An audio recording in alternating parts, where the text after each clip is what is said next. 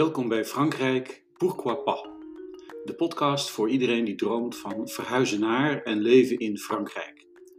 Marit Grotenhuis en Gregor Hakkenberg delen hun ervaringen over leven in Frankrijk met elkaar en met jou in wekelijkse afleveringen van maximaal een half uur. Daarin komen uiteenlopende onderwerpen aan bod, zoals de onroerend goedmarkt, ambtelijke zaken, omgangsvormen, taalkwesties en typisch Franse eigenschappen. Natuurlijk zijn wij niet echt professionele podcastmakers, dus het zal zeker in het begin even behelpen zijn, maar blijf vooral luisteren, want het wordt vast al maar boeiender.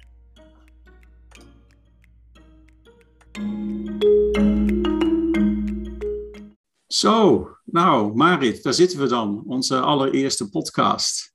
Zit je er ja, klaar voor? hi Gregor. Goedenavond. Ja, ik zit er helemaal klaar voor. Hartstikke mooi. Uh, ik begrijp dat je hebt geïnvesteerd in een, uh, in een mooie headset met een microfoon. Dus laten we hopen dat het allemaal ook blijft doen. Um, ja, dat hoop ik ook. Het is voor ons allebei de eerste keer dat we een podcast opnemen. Maar uh, we gaan natuurlijk ontzettend ons best doen om het allemaal gezellig en leuk te laten zijn. Misschien is het leuk als jij eerst even een beetje voorstelt. Ja, dat is goed. Uh, nou, ik ben dus Marit Grotenhuis. Uh, ik ben uh, 38 jaar oud en ik woon inmiddels al meer dan 13 jaar woon ik in Frankrijk. En ik woon hier met mijn hondje, Puk. En ehm, ik heb eigenlijk de eerste 11 jaar in Frankrijk altijd campings beheerd. ik heb ook niet altijd in de Bourgogne gewoond, waar ik, waar ik nu op dit moment woon, maar ik heb in Castellane gewoond. En vervolgens uh, in de Gaag, dus dat is bij de Ardèche in de buurt. En daarna ben ik eigenlijk in de Bourgogne terechtgekomen, in de Saône-et-Loire om pre precies te zijn. En daar woon ik nu inmiddels uh, twee jaar met, uh, met heel veel plezier. En ik heb inmiddels dus mijn eigen bedrijf opgericht, maar ik denk dat we het daar straks nog uitgebreider ja. over gaan hebben. Ja, ja, daar komen we zeker nog op terug. Oké, okay, nou, ik, ik ben Gregor Harkenberg. Ik woon in Frankrijk sinds het jaar 2001. Uh, en ik, uh, uh, dus nu ja, 22e jaar. Um, en ik ben verschillende malen verhuisd binnen Frankrijk. Ik zit nu in mijn uh, derde huis. En wij, ja, mijn, mijn voornaamste activiteit is dat ik teksten schrijf voor Nederlandse klanten. Dus ik heb eigenlijk mijn werk gewoon meegenomen naar Frankrijk. Ik woon hier met mijn vrouw en een hond. En onze twee kinderen zijn inmiddels de deur uit en die zijn terug naar Nederland. Dat is uh, een beetje de, in het heel kort. Uh, ik denk uh, dat we zeker in de komende podcast nog uitgebreide gelegenheid zullen hebben om meer achtergronden te leren. Maar, ja, dan zullen er nog wel wat meer details naar boven gaan komen, denk ik zo. Dat denk ik ook. Dat denk ik ook. Ja, en, en uh, nou ja, alle ervaring die, uh, die, uh, die ik heb, ehm, onder andere in het kopen en verkopen van, van mijn eigen huizen en die van anderen.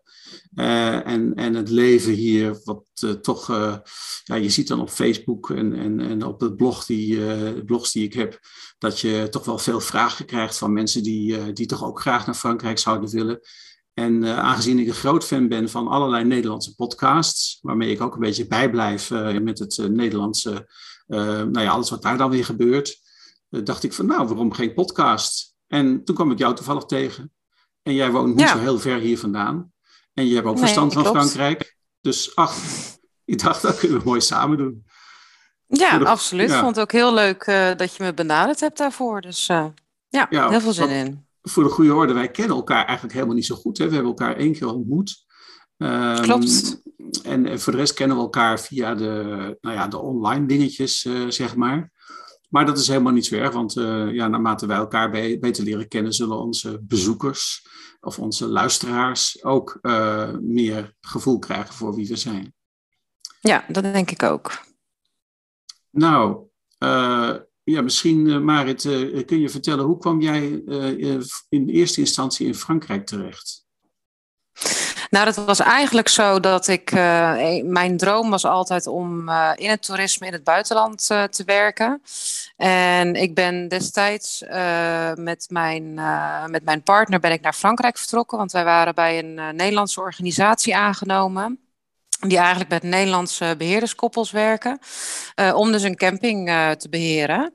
En uh, wel een grappig verhaal, want in eerste instantie ga je eigenlijk een traject in dat je eerst als assistentbeheerders aan de slag gaat. en vervolgens je eigen camping krijgt tussen aanhalingstekens. Um, maar wij werden dus eigenlijk gelijk erin gegooid, want wij mochten gelijk onze eigen camping gaan beheren in, in. En okay. dat is eigenlijk hoe ik, ja, hoe ik in Frankrijk terecht ben gekomen. En ik ben wel van camping dus ook uh, gewisseld. Toen ik dus naar de Gare ben vertrokken.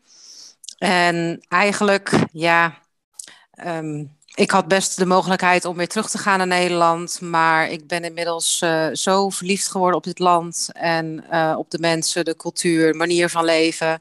Noem het allemaal op. Dat ik hier eigenlijk gewoon niet meer weg wil. En in, toen jij in Castellane kwam, toen had je dus nog helemaal geen.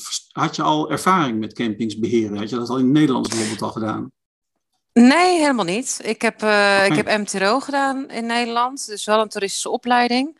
Maar ik heb eigenlijk meerdere jaren, uh, heb ik elk jaar seizoenswerk gedaan in het buitenland als uh, standplaatshostess. En okay. toen eigenlijk ja, kwam dit op ons pad en hebben we dus besloten om met z'n tweeën naar Frankrijk te vertrekken. Maar het was inderdaad, we werden echt uh, letterlijk en figuurlijk uh, in het diepe gegooid. Ja. We hebben één week, een, uh, of anderhalve week geloof ik, een intensieve Franse cursus gehad.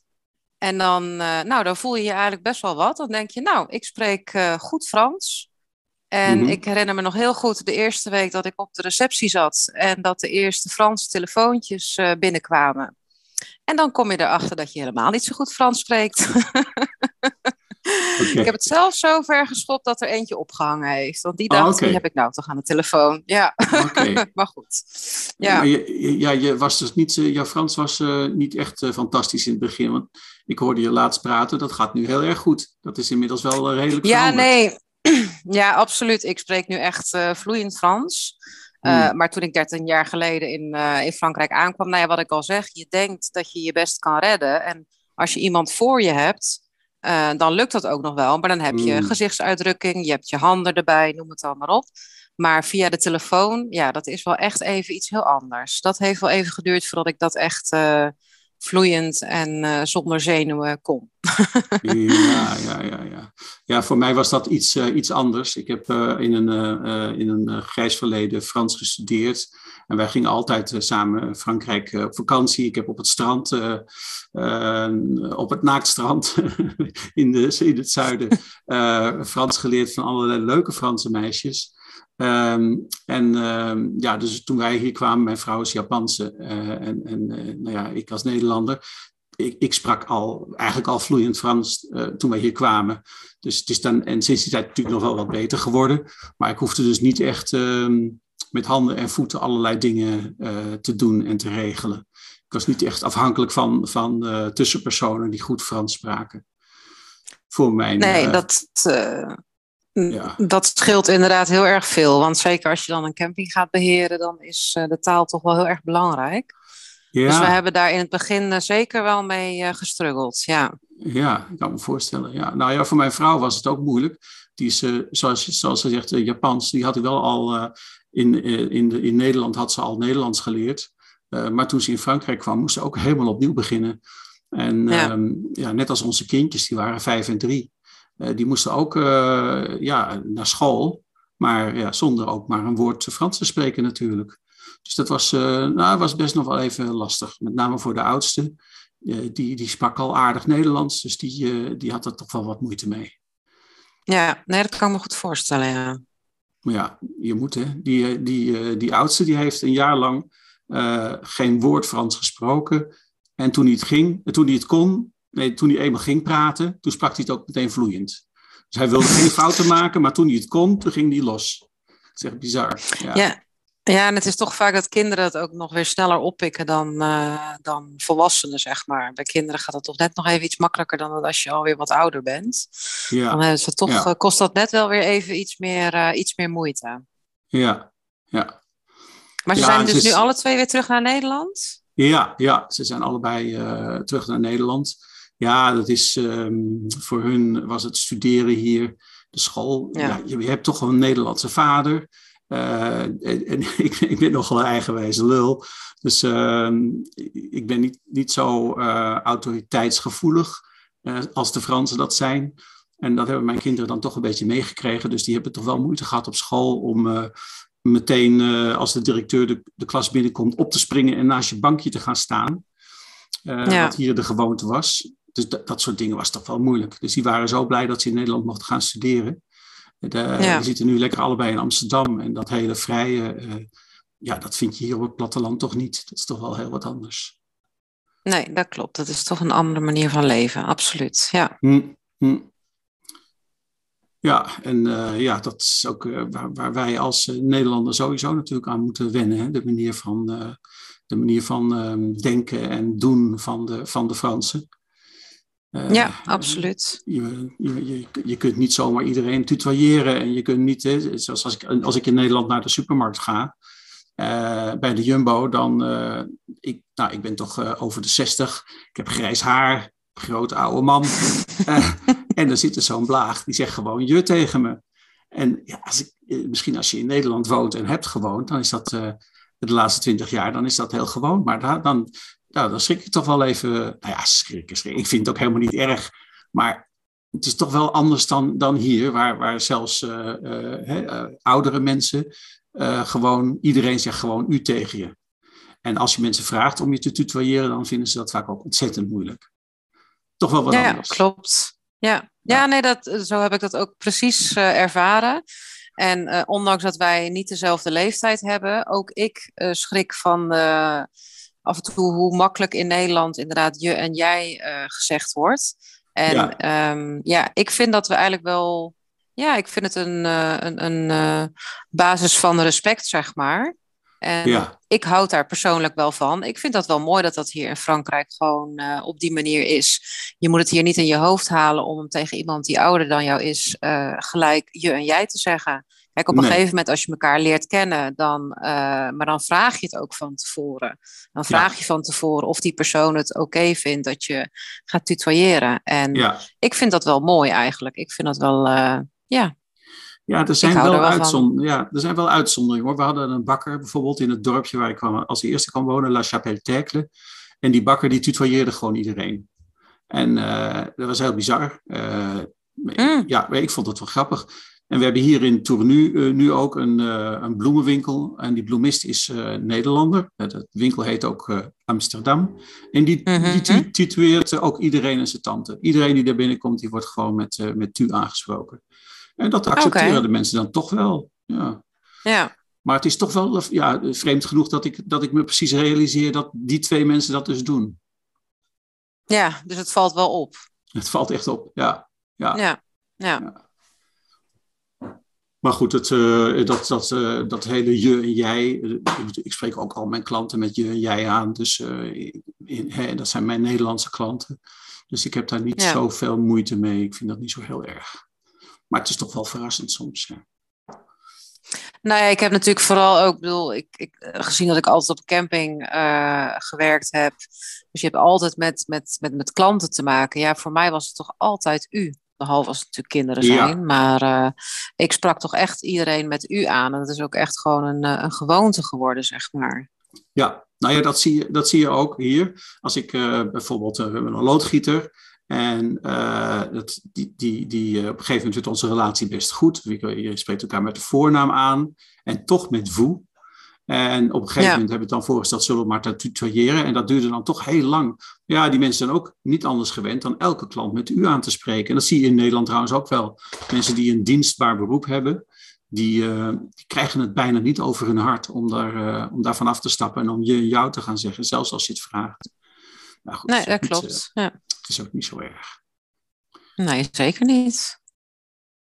Um, misschien uh, kunnen we even iets, uh, iets meer vertellen over uh, het, het werk wat wij nu doen. En in hoeverre ja. dat ook eventueel interessant zou kunnen zijn voor, voor onze luisteraars. want eigenlijk wilde ik straks aan onze luisteraars vragen om uh, vooral vragen te stellen in de, in de show notes onder. Uh, op, op onze, de, deze podcast wordt gepubliceerd op Hollandais en France, de website. En daar kun je ook vragen stellen in reacties onder de podcast. En op basis daarvan kunnen wij onze volgende uitzendingen weer daarop aanpassen en eventueel die vragen beantwoorden. Deels zullen we die dan ook online beantwoorden in die reacties. Maar deels kunnen we die onderwerpen ook weer gebruiken om dieper op in te gaan tijdens de podcast. Misschien kun jij vertellen wat, jij, uh, wat jouw werkzaamheden nu op dit moment zijn. Ja, nou, ik heb dus uh, mijn eigen bedrijf gestart en dat heet MP Bourgogne. Um, want eigenlijk is het zo dat ik. Uh, waar staat dat voor?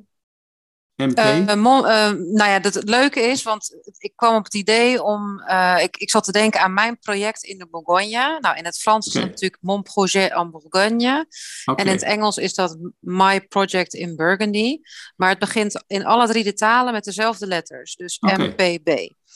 Okay. Dat heb ik dus ook in mijn logo uh, verwerkt. Uh, maar ik vond als naam, zeg maar, MP Bourgogne eigenlijk gewoon heel erg leuk. Want dat werkt voor alle drie de talen.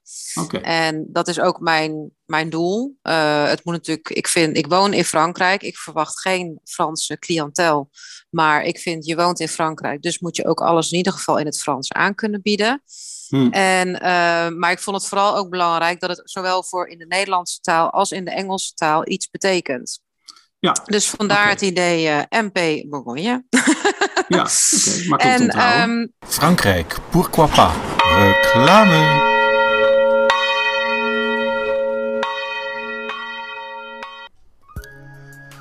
De podcast Frankrijk Pourquoi pas wordt gesponsord door Mijn Project in de Bourgogne van Marit Grotenhuis.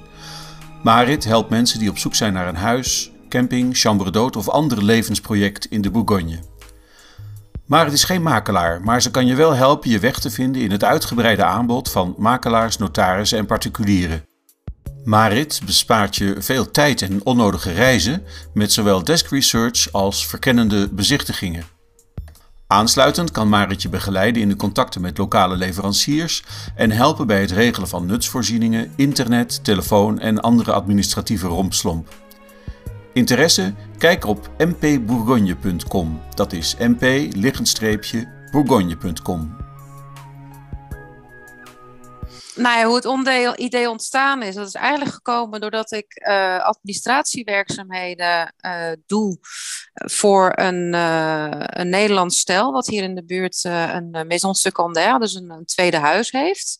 Ja. En hij had mij gevraagd om de Franse administratie voor hem te doen. En op een gegeven moment was hij eigenlijk op zoek naar een, een leuk pandje.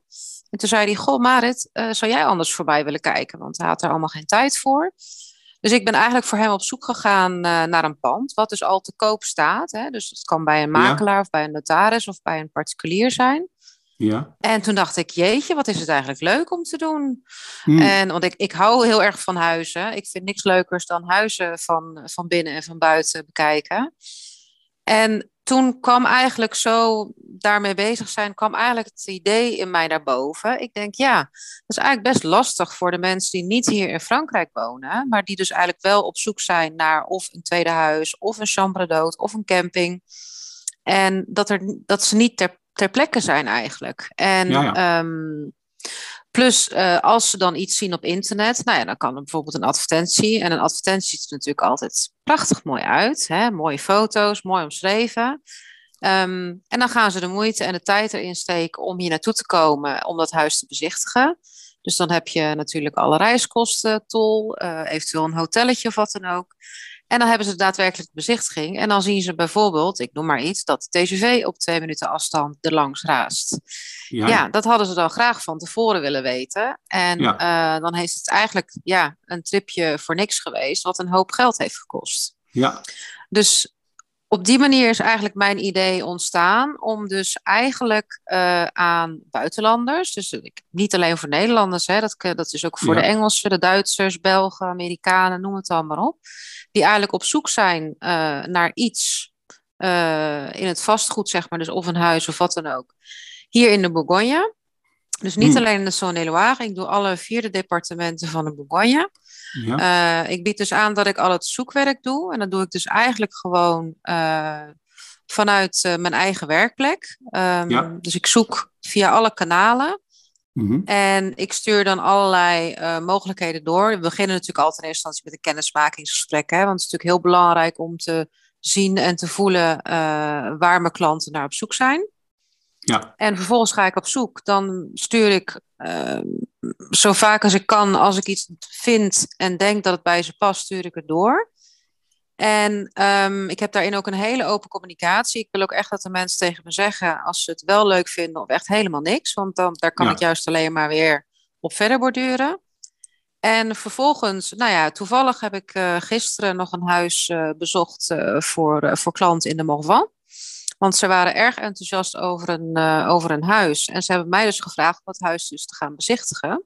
Oké. En dat heb ik dus gisteren gedaan. En uh, nou ja, aan de hand na de bezichtiging maak ik eigenlijk een, uh, een volledige rapportage. Dus met foto's en een video.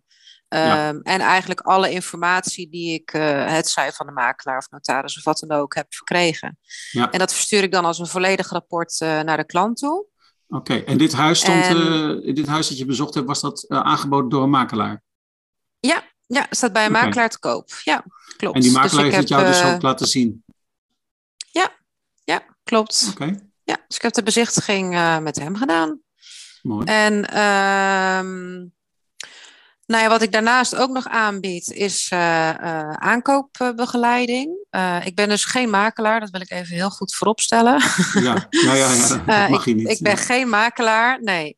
En ik deel niet mee in commissies of wat dan ook. Ik heb vaste bedragen voor eigenlijk voor de services, voor de begeleiding die ik aanbied. Mm.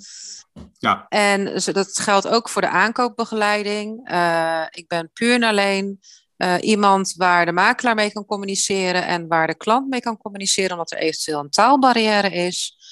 ik kan aan de klant uitleggen hoe het hier allemaal in zijn werk gaat. Dus het hele proces eigenlijk tussen de compromis en de act de vand, dus de voorlopige mm-hmm. koopakte en de definitieve koopakte.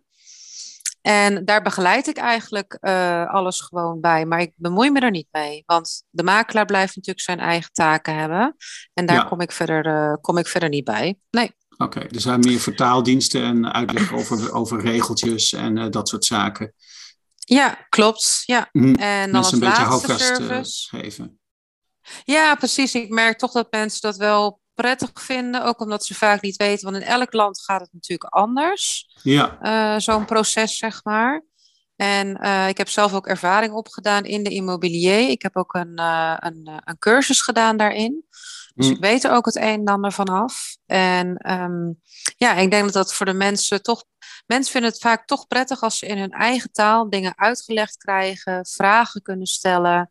Ja. Um, ik merk gewoon dat mensen dat toch een, een bepaalde zekerheid geeft, zeg maar.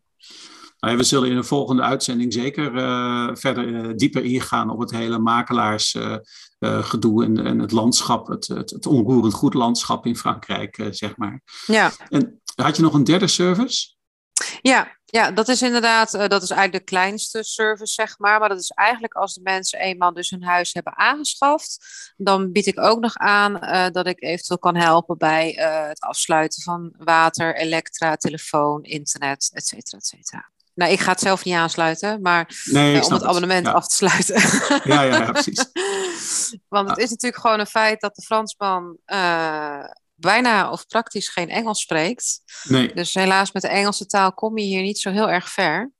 En uh, ik denk dat dat ook weer uh, voor ja. de buitenlanden toch en je wel deed ook nog iets, uh, Je deed ook nog iets met conciërge-diensten, toch? Of is dat, valt dat hier niet onder? Ja, klopt. Nee, ik heb inderdaad, nou ja, toevallig in het dorp waar ik, waar ik woon, heb ik meerdere huizen eigenlijk in mijn beheer tussen aanleidingstekens. Dat zijn dus tweede huizen inderdaad van Engelsen, ja. Denen.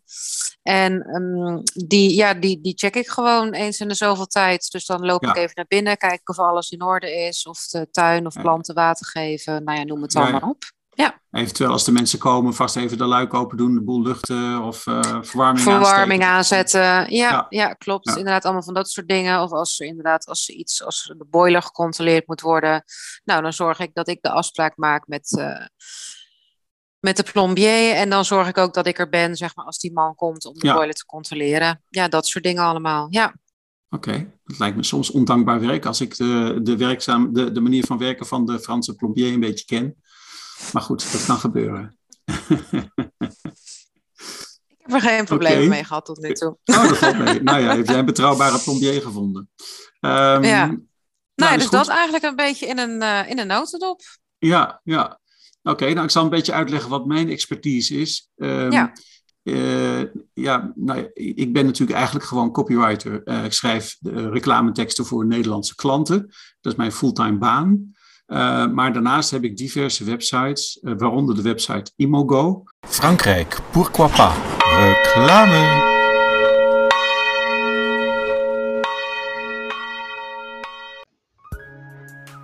De podcast Frankrijk, pourquoi pas?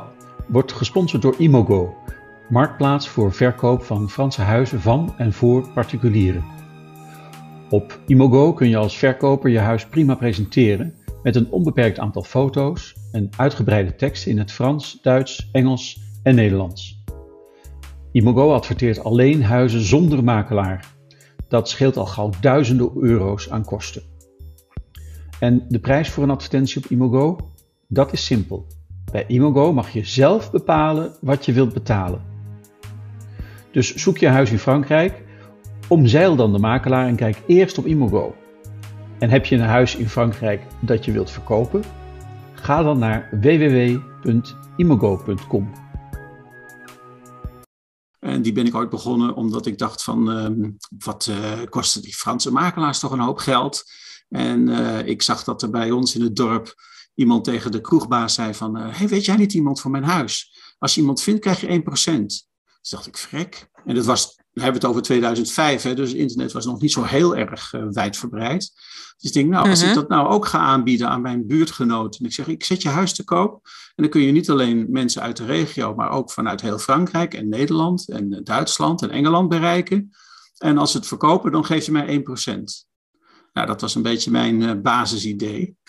En dat, eh, dat draaide best aardig. Uh, ik heb uh, in de eerste jaren best aardig geld verdiend op basis van die 1%. Dat was allemaal een soort herenakkoord. Hè? Mensen die, uh, die belden me op en die zeiden... Gregor, ah, wat een geluk, we hebben het huis verkocht via jou. Stuur maar een rekening. Totdat de Franse makelaarsvereniging, de FNIM, een soort NVM... die vonden niet zo fijn dat ik dat deed. Want het is natuurlijk wel hartstikke concurrentie. En die hebben mij een proces ja. aangedaan... En dat proces dat, uh, heb ik verloren. Dus ik uh, kreeg uh, vier maanden voorwaardelijk en 10.000 euro aan mijn broek en een strafblad. En nou ja, dat was allemaal helemaal niet leuk. Dus ik ben in hoger beroep gegaan, maar ik heb in de tussentijd wel de site uitgezet. Het hoger beroep heb ik gewonnen. Dus wat ik doe is allemaal gewoon toegestaan. Uh, het schurkt weliswaar een beetje tegen de makelaarsdiensten aan. Hè? Dat, dat, de makelaar moet ook reclame maken.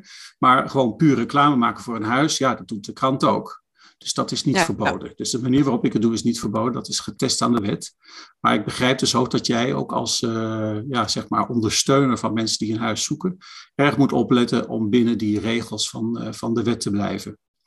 Klopt, Imogo, ja. uh, Imogo is nog steeds online. Het is uh, nog steeds een website waar mensen dus hun, uh, waar particulieren hun huis te koop aan kunnen bieden in het Frans, Duits, Engels en Nederlands. En -huh. ja, ik werk nu met een pay what you want systeem. Dat betekent dus dat mensen hun huis online kunnen zetten en dan zelf mogen bepalen wat ze willen betalen. En uh, dan kunnen ze dus uh, zeg maar mij wat geven als ze vinden dat ik uh, goed mijn best gedaan heb. Dat ze veel, heel veel reacties hebben gehad. En, en als ze hun huis ook nog via Imogo verkocht hebben, dan kunnen ze nog wat meer betalen als ze dat willen. Dat is dus één site. Nou, is jouw ervaring... Ik... ja? Is, is jouw ervaring dat de mensen dat ook doen? Nou, dat is nog niet zo lang zo. Uh, voorheen okay. was dus die 1% uh, afspraak en dat, uh, dat ging allemaal prima. Um, maar ik, ik, ik heb er toch behoefte aan. Kijk, de concurrentie is de laatste jaren zeer erg gegroeid. Hè. Je hebt nu ook Facebook waar je huis gratis op kan zetten. Je hebt Le Bon Coin waar je gratis kan adverteren. Uh, en er zijn, maar met name op Facebook worden toch wel heel veel huizen aangeboden. Dus ik moest toch mijn, um, mijn uh, ja, hoe noem je dat, business model enigszins aanpassen. En vandaar dat ik nu naar die pay what you want uh, aanpak ben gegaan. En ik merk wel okay. uh, dat met name, ik, ik heb één of twee huizen verkocht En daar hebben de mensen minder betaald dan 1%. Maar ik hoefde er verder niet om te zeuren, want je, ja, je krijgt dus gewoon een gift, bij wijze van spreken. En uh, er zijn wat mensen die gewoon niet hun huis via mij verkocht hebben, maar die wel voldoende tevreden waren om mij gewoon een gift te doen. Dus ik krijg gewoon ineens geld gestort. Nou, dat is toch best aardig. Oh, nou ja. Ja, ja dat is altijd leuk. Ja, ja. absoluut. En uh, ja, daarnaast heb ik een, een website die heet Park Go. Die is nu, uh, ben ik nu aan het verbouwen. Dat is een website voor uh, caravanstallingen. Waarmee ik wil proberen te zorgen dat mensen die hun, uh, naar Frankrijk komen met hun caravan, dat ze hem hier laten staan in plaats van hem helemaal terug naar huis te slepen. Omdat ze volgend jaar toch weer hier op, op vakantie gaan. Nou, ik weet uit ervaring dat daar vraag naar is, ja. Ja, ja nou, dat, dus, het, er zijn ook heel wat caravanstallingen hier. En uh, tegelijkertijd wilde ik ook daarmee uh, zeg maar boeren helpen die zijn gestopt met de boerderij en die dus wat, wat bijverdienen willen. Of mensen die door melkquota veel minder koeien mogen hebben en daardoor hele grote stallen leeg bestaan. En die kunnen ook wat bijverdienen door daar, camp, door daar caravans in te zetten bijvoorbeeld. Dus dat is een oh, beetje ja. een ja. concept. Nou ja, en ik heb nog wat uh, websites zoals uh, Hollandais en France. Dit is een website die is uh, in, sinds 2005 online. En het was een soort blog over Frankrijk. Eigenlijk precies wat wij nu aan het doen zijn, maar dan, maar dan in de vorm van een blog. Het is een beetje verouderd, maar ik heb hem onlangs in mijn archieven teruggevonden, maar gewoon weer online gezet. En dat is dus ook de plek waar deze blog, deze podcast zullen worden gepubliceerd. Nou, dat dus.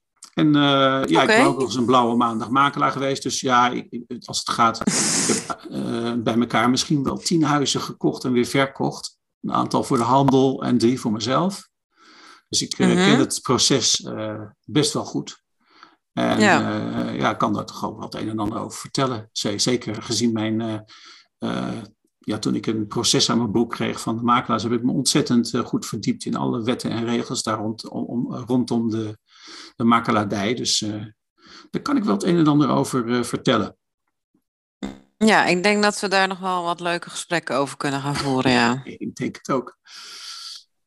um, ja, dus dat was het zo'n beetje. Ik, ik moet zeggen dat het me nog niet, uh, nog niet zo, dat ik het niet zo heel makkelijk vind hoor, zo'n podcast. Uh, maar goed, het moet natuurlijk nog heel erg wennen. Um, ja, plus wat je ook aangaf aan het begin, we kennen elkaar natuurlijk ook nog niet zo goed. Dus nee. hè, we, we, moeten ook een beetje aftasten. We zijn ja. nog, niet, nog niet ingewerkt, om het zo maar even te zeggen. Maar nou. ik uh, heb er vertrouwen in dat het helemaal goed gaat komen. Want volgens ja. mij zouden we ook even doornemen wat de onderwerpen, wat we zelf hadden al een beetje met elkaar gebrainstormd over de onderwerpen voor de komende podcasts. Dat ik weet niet of je daar nog uh, iets. Nou, ik heb ze nu net voor mijn neus geopend. En er zijn vragen zoals, uh, ja, uh, waarom duurt alles zo lang in Frankrijk? Of is het ook wel echt wel zo? Uh, we kunnen het hebben over wat is een Franse apéro. So, sorry, maar ergens Ja, want dat is wel... Ja, ik hoor ook een kat miauwen, ja. Die, moet hier, die moet hier door een dichte deur. Wat is een Franse dat heb apéro? Je niet, dat heb je net niet uh, verteld bij je introductie. Je zei kat, nee, we hebben zelfs... Uh, mijn, mijn, vrouw is een beetje een kattenvrouwtje. Dus uh, we hebben laatst weer zo'n hele zielige kat in huis genomen. Dus we hebben er nu drie. Ah, kijk. Ja. Ah, nou, dat is meer dan genoeg. Ja. Maar inderdaad, wat is nou precies een Franse apero? Want ik vind dat zelf ook wel... Nou, ik hou zelf heel erg van een apero. Ik weet niet hoe jij erin staat, maar ik vind het altijd erg gezellig.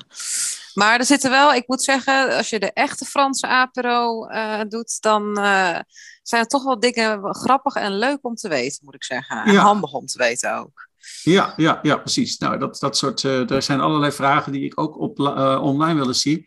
Dat mensen in de discussie gaan van, wat neem je mee, wanneer begint het, wat kun je verwachten, moet je, moet je thuis al wat eten, nou, dat soort vragen. Ja, um, klopt, ja nou ja, we hebben het al even gehad over het tutoyeren. Uh, dus uh, daar zouden we wat dieper op in kunnen gaan. Hè? Wat zijn de omgangsvormen? Wanneer kun je tutoyeren, wanneer, wanneer niet? En wie moet je allemaal zoenen? Zeker nu met ja. corona toch ook een boeiend onderwerp. ja, niemand dus eigenlijk. Hè? nee, ja, nu even niemand. Nee. Kunnen het hebben over de administratie en de, het papierwerk hier. Hè. Er zijn uh, mensen die vluchten uit Nederland omdat ze het allemaal zo ingewikkeld vinden en al dat gezeur van de ambtenaren. En die denken, dan ga ik lekker in Frankrijk wonen. Nou, die, die moeten misschien even wakker schudden. Ja, uh, lijkt me handig. Uh, over de taalproblemen, hè, hoe dat nou zit met die Fransen die al dan niet Engels spreken. Ja. Over het makelaarssysteem. Wat de verschillen zijn met Nederland, wie, we, wie de makelaar moet betalen, hoe je, waar je aan vast zit hè, als je met de makelaar gaat kijken. Um, Maar ook Mhm. in het algemeen kunnen we het hebben over het huizen zoeken. Uh, hoe doe je dat eigenlijk? Welke kanalen zijn er? Hoe uh, zijn er nog slimme tips? Ja, daar gaan we natuurlijk niet te veel over verklappen, hè? Maar dan hoef jij het niet meer te doen. Nee, precies. Wel een beetje geheim blijven ook, hè? Ja, Anders ja, heb ik ja. geen Nou, werk nou, meer. Je kunt, je, kunt het, je kunt het weten, maar dan moet je het ook nog doen. Hè? Dat is nog heel wat anders. Ja, dat klopt. Ehm, Ja, dat is ook weer zo. Ja, nou ja, en dan gaat het over uh, alle stappen van het kopen van een huis. Uh, het, uh, mis, iets over werken in Frankrijk, een huis opknappen in Frankrijk, de bedrijfscultuur. Uh, misschien ook waar je wil wonen. Hè? Waar, kun je, waar kun je naartoe? Wat, waar, ja. Waarom zou je, waar, wil, waar, waar wil je gaan wonen en waarom? Nou, dat, uh, dat, uh, dat soort dingen. Dus, ja. uh, nou ja, klinkt ja. goed. Dat, en, dat en wat er verder nog ter tafel komt. Want als er, als er mensen zijn die zeggen, ja, maar ik heb een prangende vraag. En die wil ik, ik wil absoluut weten hoe dit of dat werkt. Dan, ja, dan zijn die natuurlijk van harte welkom om die vraag te stellen.